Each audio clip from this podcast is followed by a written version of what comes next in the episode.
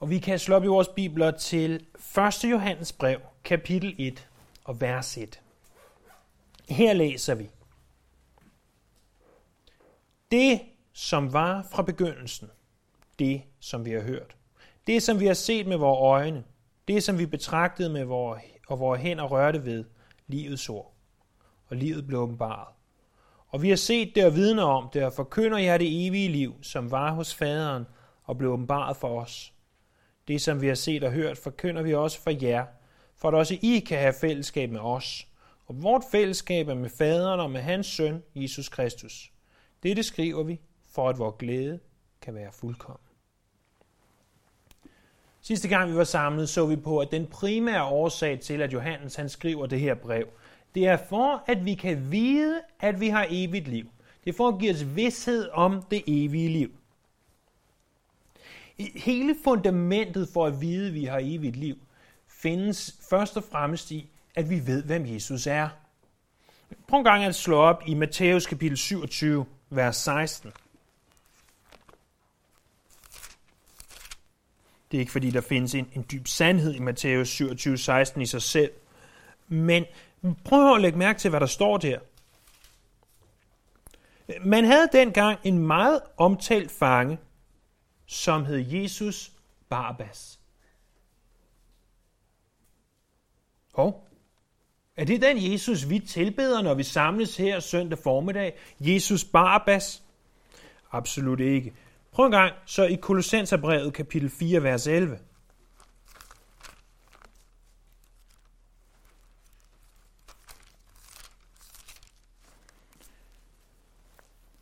Kolossenserbrevet kapitel 4, vers 11.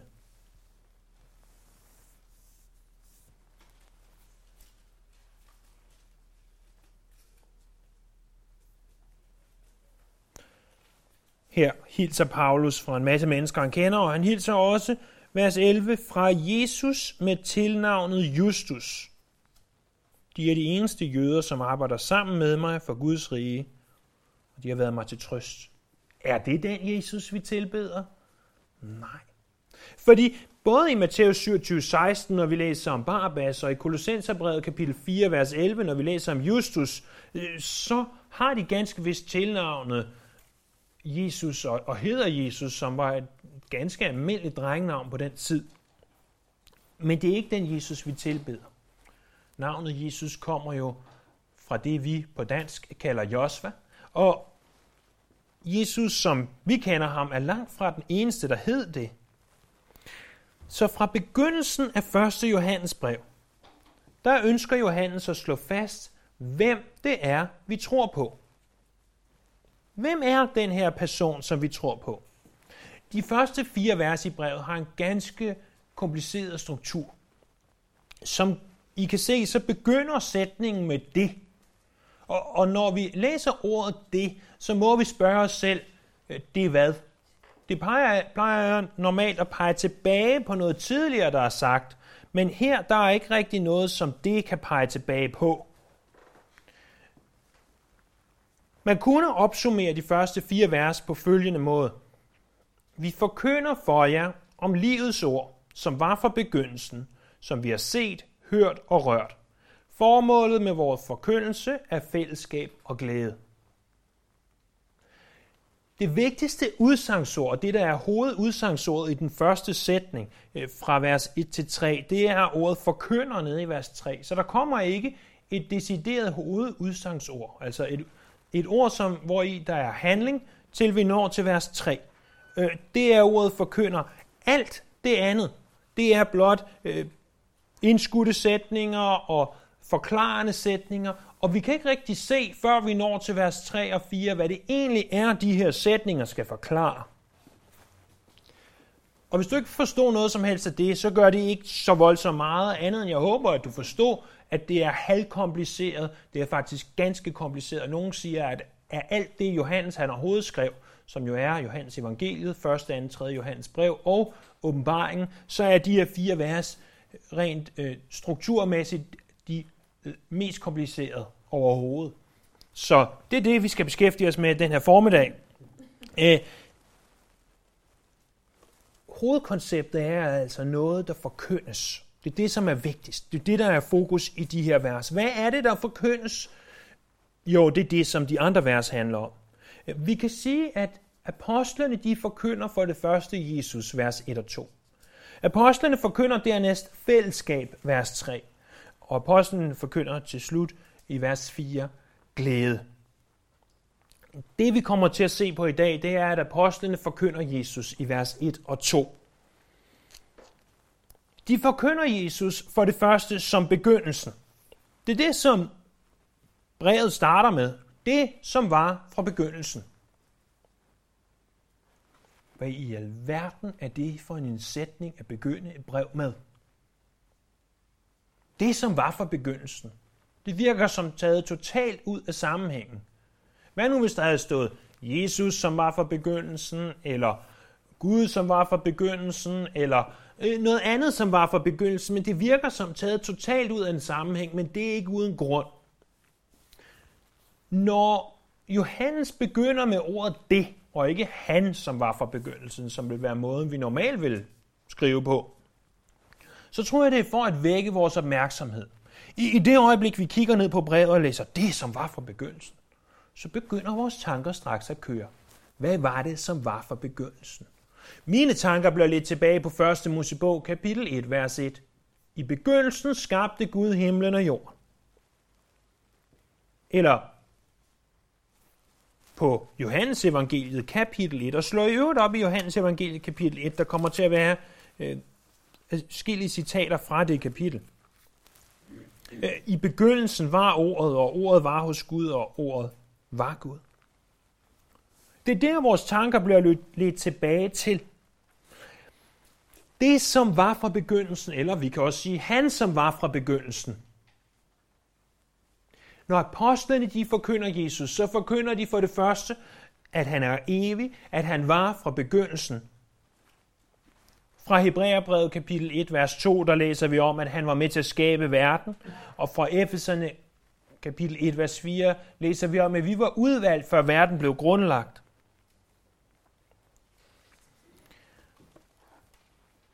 Jesus, han er evig. Det er et koncept, som er rigtig, rigtig svært, lad os bare sige umuligt helt at forstå. Hvad vil det sige at være evig? Hvad vil det sige altid at have været? Ikke at have nogen begyndelse.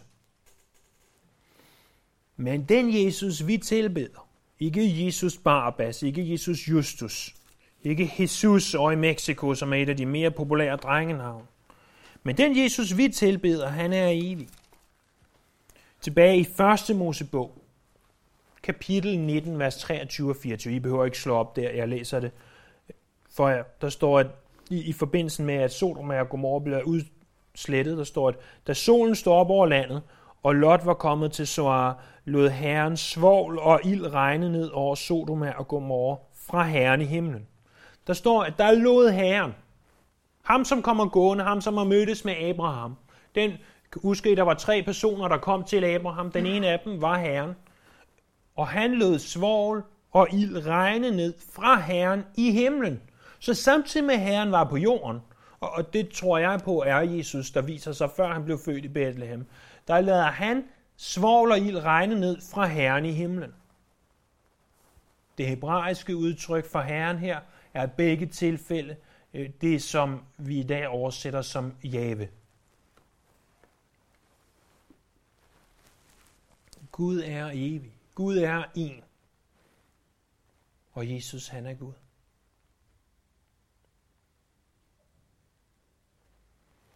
Den Jesus, vi tilbeder, han er en evig Gud. Han var der fra begyndelsen. Han har altid været der. Han vil altid være der, og han er der i dag.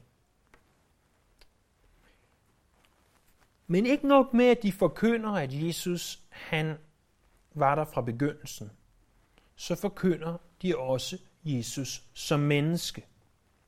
For det næste, Johannes han skriver, det er det, som vi har hørt. Johannes kunne med rette sige, det som jeg har hørt. Men det gør han ikke. Han siger det, som vi har hørt. Ikke bare jeg, Johannes, den eneste tilbagelevende øh, og overlevende apostel af dem, som oprindeligt gik med Jesus. Det jeg har hørt, det siger han ikke. Han siger det, som vi har hørt. Og det er derfor, jeg bliver ved med at understrege, at det ikke bare er det, som apostlen ental sagde, det er det, som apostlene flertal sagde. De ønsker apostlene, Johannes og Matthæus og Peter og de andre ni apostle at viderebringe os noget. Og det, de ønsker at viderebringe os, det er det, som vi har hørt. Så en af de ting, vi også ser i Johannes kapitel 1, Johannes evangeliet kapitel 1, i vers 35. Prøv at slå tilbage dertil. Her i Johannes evangeliet kapitel 1, vers 35, der ser vi, da disciplene, apostlene første gang mødes med Jesus. Så vidt vi kan sammenstykke øh, fra samtlige evangelieberetninger, så er det her deres første møde. Prøv at se, hvad der står. Næste dag stod Johannes, og det er Johannes døberen, der igen med to af sine disciple. Han ser Jesus komme gående og siger, se, der er Guds lam. De to disciple hørte, hvad han sagde, og fulgte efter Jesus. Da Jesus vendte sig om og så dem følge efter, sagde han, hvad vil I? De svarede, Rabbi, hvor bor du? Rabbi betyder mester, og han sagde til dem, kom og se. Og de gik med og så, hvor han boede, og de blev hos ham den dag. Det var den tiende time. Andreas, Simon Peters bror, var den ene af de to, som havde hørt, hvad Johannes, altså Johannes døberen, sagde, og var fuldt efter Jesus. Jeg er overbevist om, at den unavngivende disciple i det her tilfælde er ingen ringere end apostlen Johannes selv. Han nævner detaljer, som kun et øjenvidne vil kunne bekræfte, nemlig at det er den 10. time. Og vi ved, at Andreas og Johannes kendte hinanden allerede på det tidspunkt. Og Jesus han kommer hen til dem og siger, hvad vil I? Hvad ønsker I? Hvad, hvad er det, I vil? Underforstået med jeres liv. Vil I følge mig? Og, og Bibelen fortæller os, at de hang ud med Jesus hele den dag. Tænk så at have en hel dag, hvor du bare hænger med Jesus og går rundt med ham og ser, hvad han laver. Det var det, Andreas og Johannes de gjorde den første dag, hvor de mødte ham. Men det her, hvad vil I? Det er blot den første af mange, mange ting, som de kommer til at høre. Forestil dig at være apostlene. Forestil dig, da han senere, Jesus, kommer gående langs strandbaden og ser dem i gang med deres net. Fordi det, der rent faktisk sker, det er, at de gør det, at de, øh, de mødes her, så mødes de igen, og så mødes de igen. Og, og det er først i det, de mødes igen og igen, at de forstår, at de skal følge Jesus. Og når Jesus så siger, kom og følg mig. Kom og følg mig. Og fra han sagde, kom og følg mig, og de står der med deres net. Og de lader deres net ligge, og de begynder permanent at følge Jesus. Så tog det fart. Så hører de bjergprædiken. Tænk så at have siddet der den dag og lyttet til bjergprædiken. Tænk så at have lyttet til lignelserne. Tænk så at have været på forklarelsens bjerg. Tænk så at have hørt profetierne om fremtiden. Og, og tænk så, da Johannes hang på korset, og han hørte Jesus, der råbte, det er fuldbragt. Tænk så at jeg hørt Jesus, der gav en missionsbefaling. Der var også på et tidspunkt nogle tempelvagter, der ville tage Jesus til fange. Og de her tempelvagter, de må erkende, at aldrig har vi hørt noget menneske tale sådan. Johannes han siger med andre ord, I skal huske på, at den Jesus, vi tror på, han var et virkeligt menneske. Vi apostle, vi hørte selv, hvad han sagde. Det er ikke noget, vi finder på. Det er noget, vi rent faktisk har hørt. Han er ikke en opdigtet Gud. Han er ikke noget, vi bare har inde i vores tanker. Vi har hørt det her, venner. Men ikke bare har vi hørt ham, vi har set ham med vores øjne. Og det, som vi betragtede, de har både set ham, og de har betragtet ham. Der bruges to forskellige græske ord for har set og for har betragtet.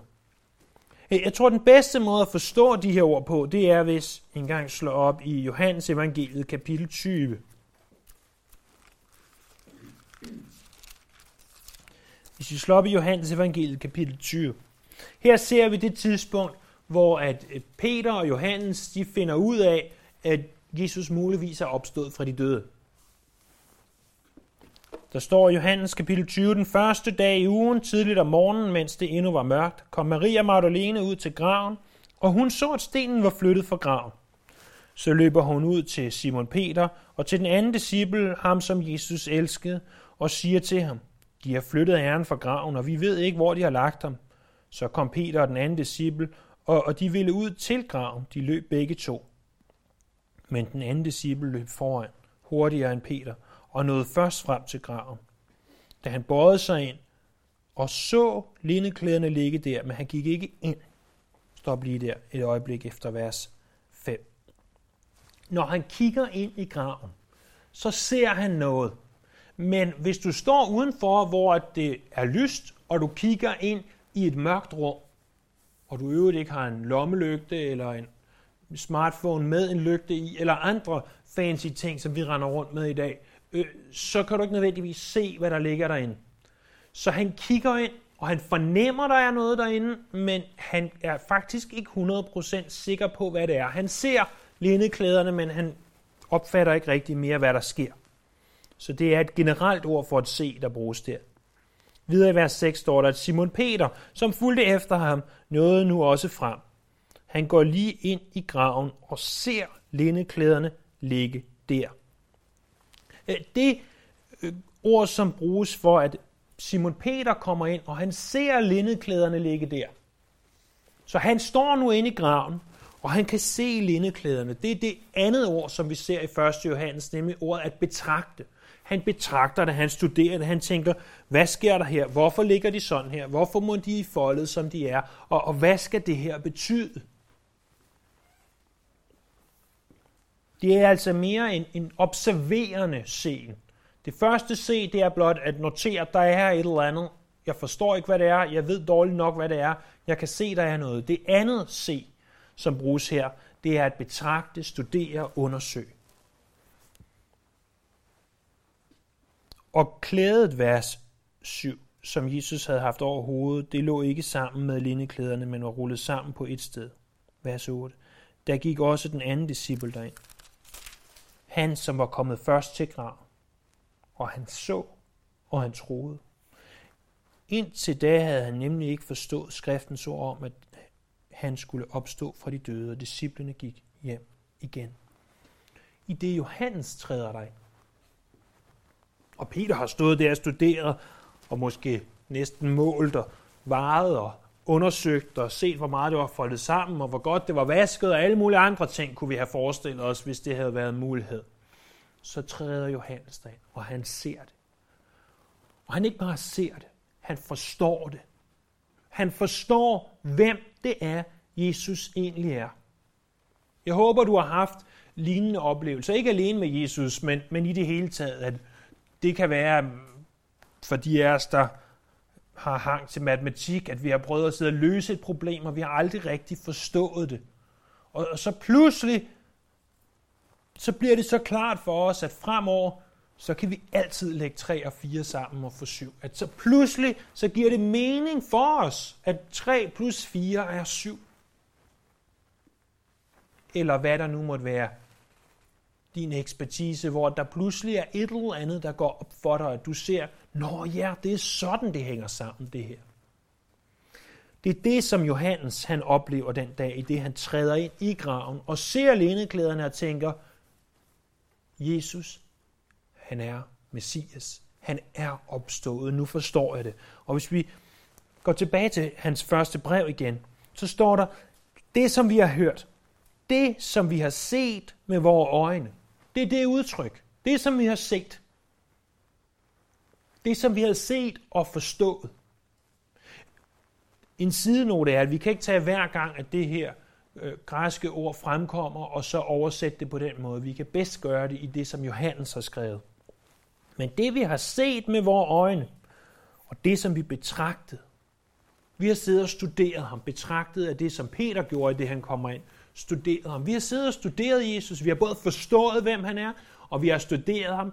Vi har set, at når han, når han tog et brød og brækkede det, vi har set, hvordan hans hænder gjorde, vi har set, når han løftede bæret, vi har set, da han gik på vandet. Vi har set, da han delte mad ud til de 5.000 mænd plus kvinder og børn.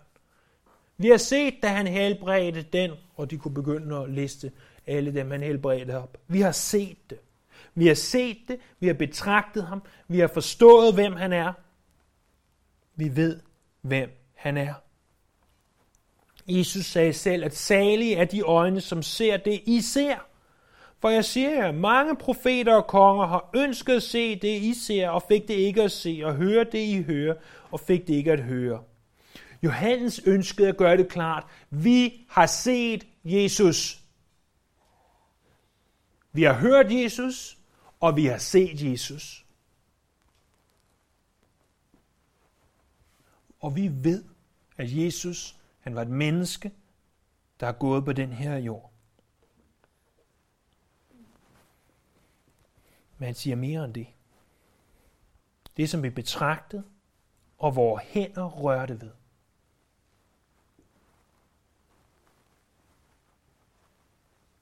Du kan godt have været en af de 5.000, der fik mad af Jesus den dag. Og du har hørt, hvad han har sagt. Og du har set ham med dine øjne. Men derfor er det ikke sikkert, at du har givet ham et kram.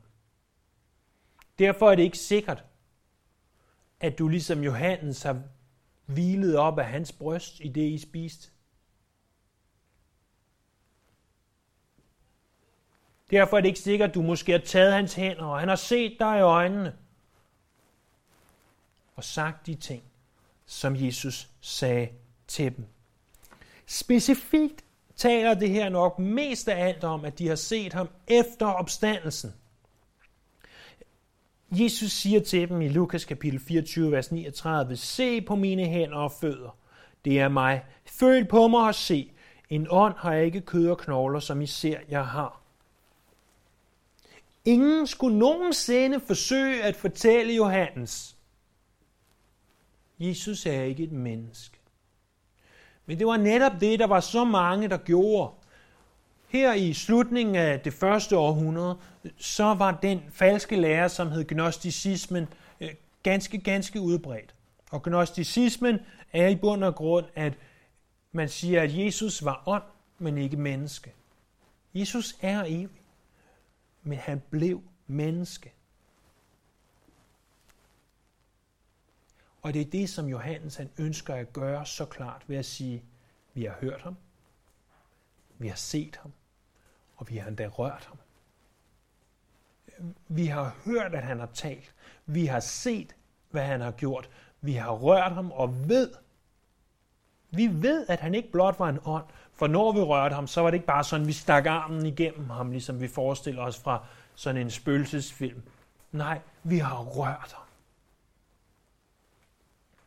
Og hvem er det så, vi har rørt? Jo, i de sidste to år i vers 1, det er livets ord. Det er først her i slutningen af vers 1, vi får et hint til, hvem det er, de har rørt. Og vers 2 er en slags parentes, der uddyber det her livets ord.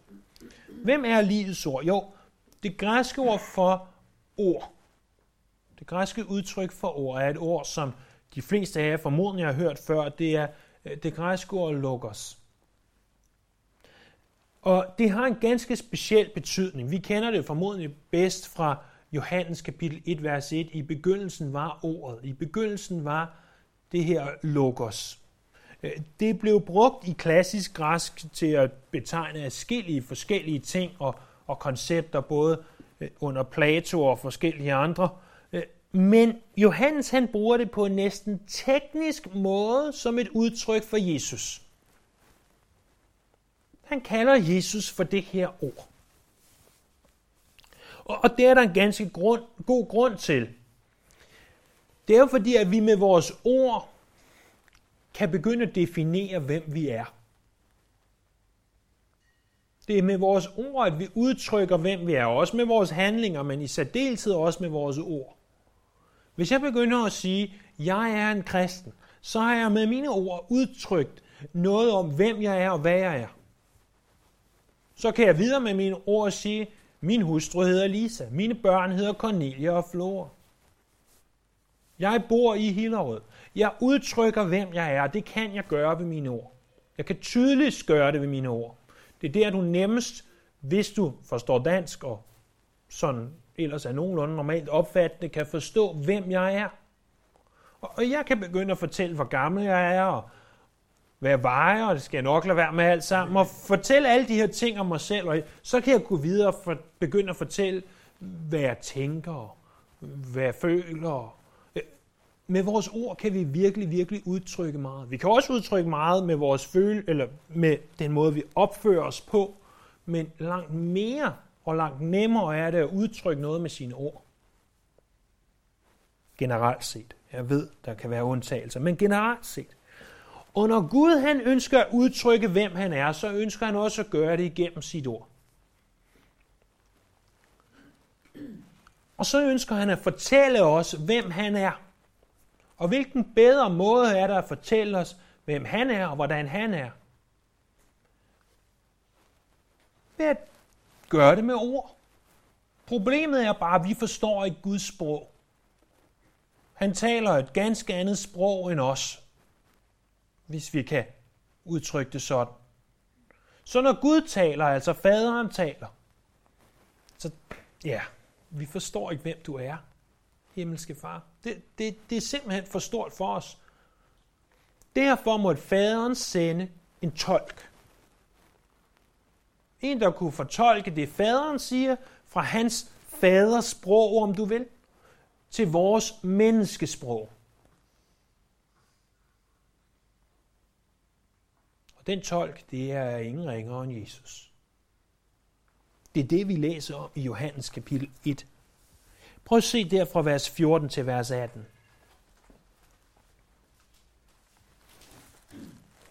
Og ordet blev kød og tog bolig blandt os. Og vi så hans herlighed, en herlighed, som den enborn har den fra faderen, fuld af noget og sandhed. Johannes vidner om ham og råber, det er om ham, jeg sagde, han som kommer efter mig har været der forud for mig, for han var til før mig. Af hans fylde har vi alle modtaget, og det er noget over noget. For loven blev givet ved Moses, nåden og sandheden kom med Jesus Kristus. Ingen har nogensinde set Gud, den enborne, som selv er Gud, og som er i faderens favn. Han er blevet hans tolk.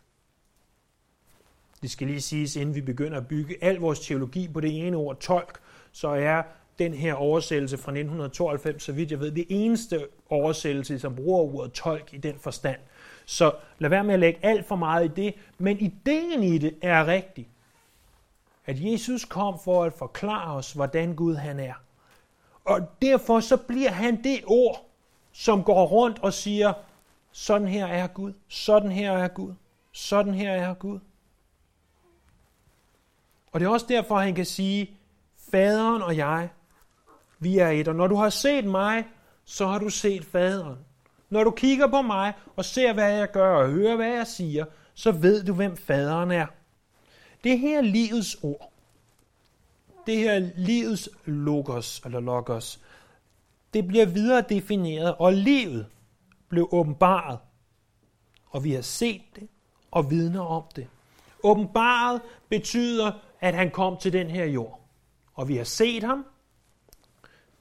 Han udtrykker det igen. Han ønsker at understrege, vi har set livets ord. Vi har set ham, som skal forklare os, hvordan Gud han er. Ham, som selv er Gud, som blev menneske, som skal forklare os, sådan her er Gud. Det er som om Johannes ikke kan stoppe med at fortælle, at vi var øjenvidner til Jesus. Vi så ham, vi hørte ham, vi rørte ham. Ham, som var Gud, som var evig, som blev menneske og kom til den her jord.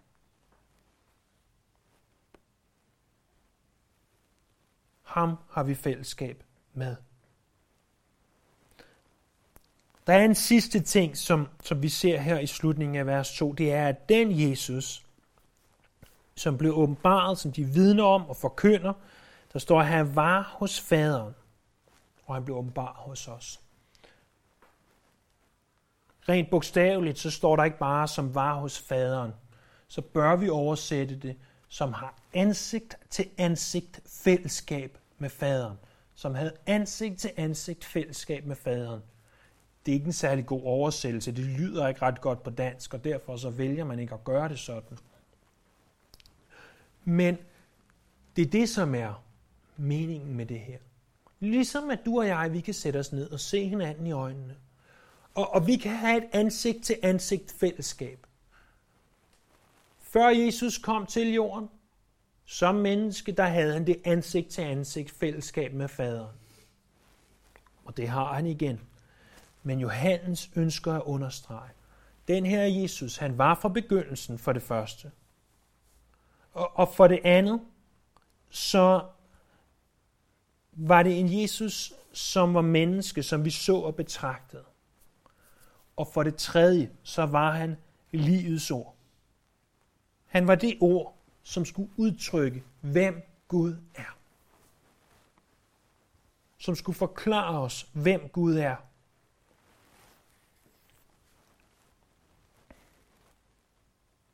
Johannes skriver i det her brev, at når vi læser det, så kan vi finde ud af, om vi har evigt liv.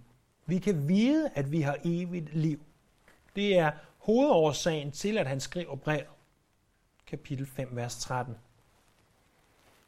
Men hvis du vil vide, om du har evigt liv, så er du først og fremmest nødt til at vide, hvem Jesus er. Fordi kristendommen, hvis vi vil kalde den det, handler først og fremmest om en person, nemlig Jesus. Det handler om vores fællesskab med ham. Og hvis der er én ting, som jeg håber, at vi alle kan gøre, så er det at komme tilbage til at rette vores blik på Jesus. Ikke på 1. Johannes kapitel 1, vers 4's yderst komplicerede struktur. Ikke på de tekniske definitioner af, hvad lukkers betyder. Alt det er kun støttepiller til at hjælpe os til at forstå ham, som vores blik må rettes på, nemlig Jesus. Og hvis du vil vide, om du har evigt liv, så må du først og fremmest forstå, hvem Jesus er. Åbn dit nye testamente. Læs om ham. Betragt ham. Og forhåbentlig se ham. Studer ham, så du forstår ham. Ikke fuldt ud, men i en eller anden grad.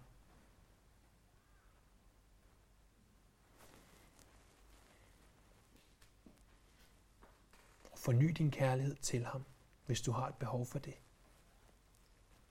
For det er den Jesus, som kom til den her jord. Den evige Gud, som havde fællesskab ansigt til ansigt med faderen. Han trådte ind i vores verden og blev menneske, for at kunne forklare os, hvordan Gud han er.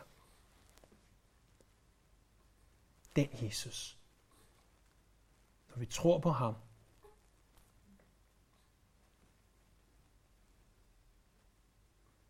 så kan vi vide, at vi har evigt liv. Der kommer mere end det. Det vil vi se videre på de næste mange gange. Herre, himmelske far, tak at du sendte din søn. Vi forstår ikke alt det her med treenigheden, og vi ved godt, at folk har forsøgt at forklare det med både vand og H2O og æg og alt muligt andet. Og det er jo ganske udmærket forklaringer, nogle af dem, men vi forstår det altså ikke helt. Jeg gør ikke i hvert fald. Men jeg forstår, at du elsker mig. Og jeg forstår også, i hvert fald til en eller anden grad, at du ønsker at forklare mig, hvem du er, så jeg kan have fællesskab med dig. Og vi beder her, at du må hjælpe os til at vide, at vi har evigt liv. Ikke for, at vi skal være bange for, at vi ikke har det, men snarere for, at vi skal være glade for, at vi har det. Rensag vores hjerter her. Og hjælp os til at komme tilbage til vores første kærlighed. Som Johannes senere vil udtrykke det i åbenbaringen kapitel 2. For at vi må have fællesskab med dig, Jesus. For at vi må kunne tilbede dig i ånd og i sandhed.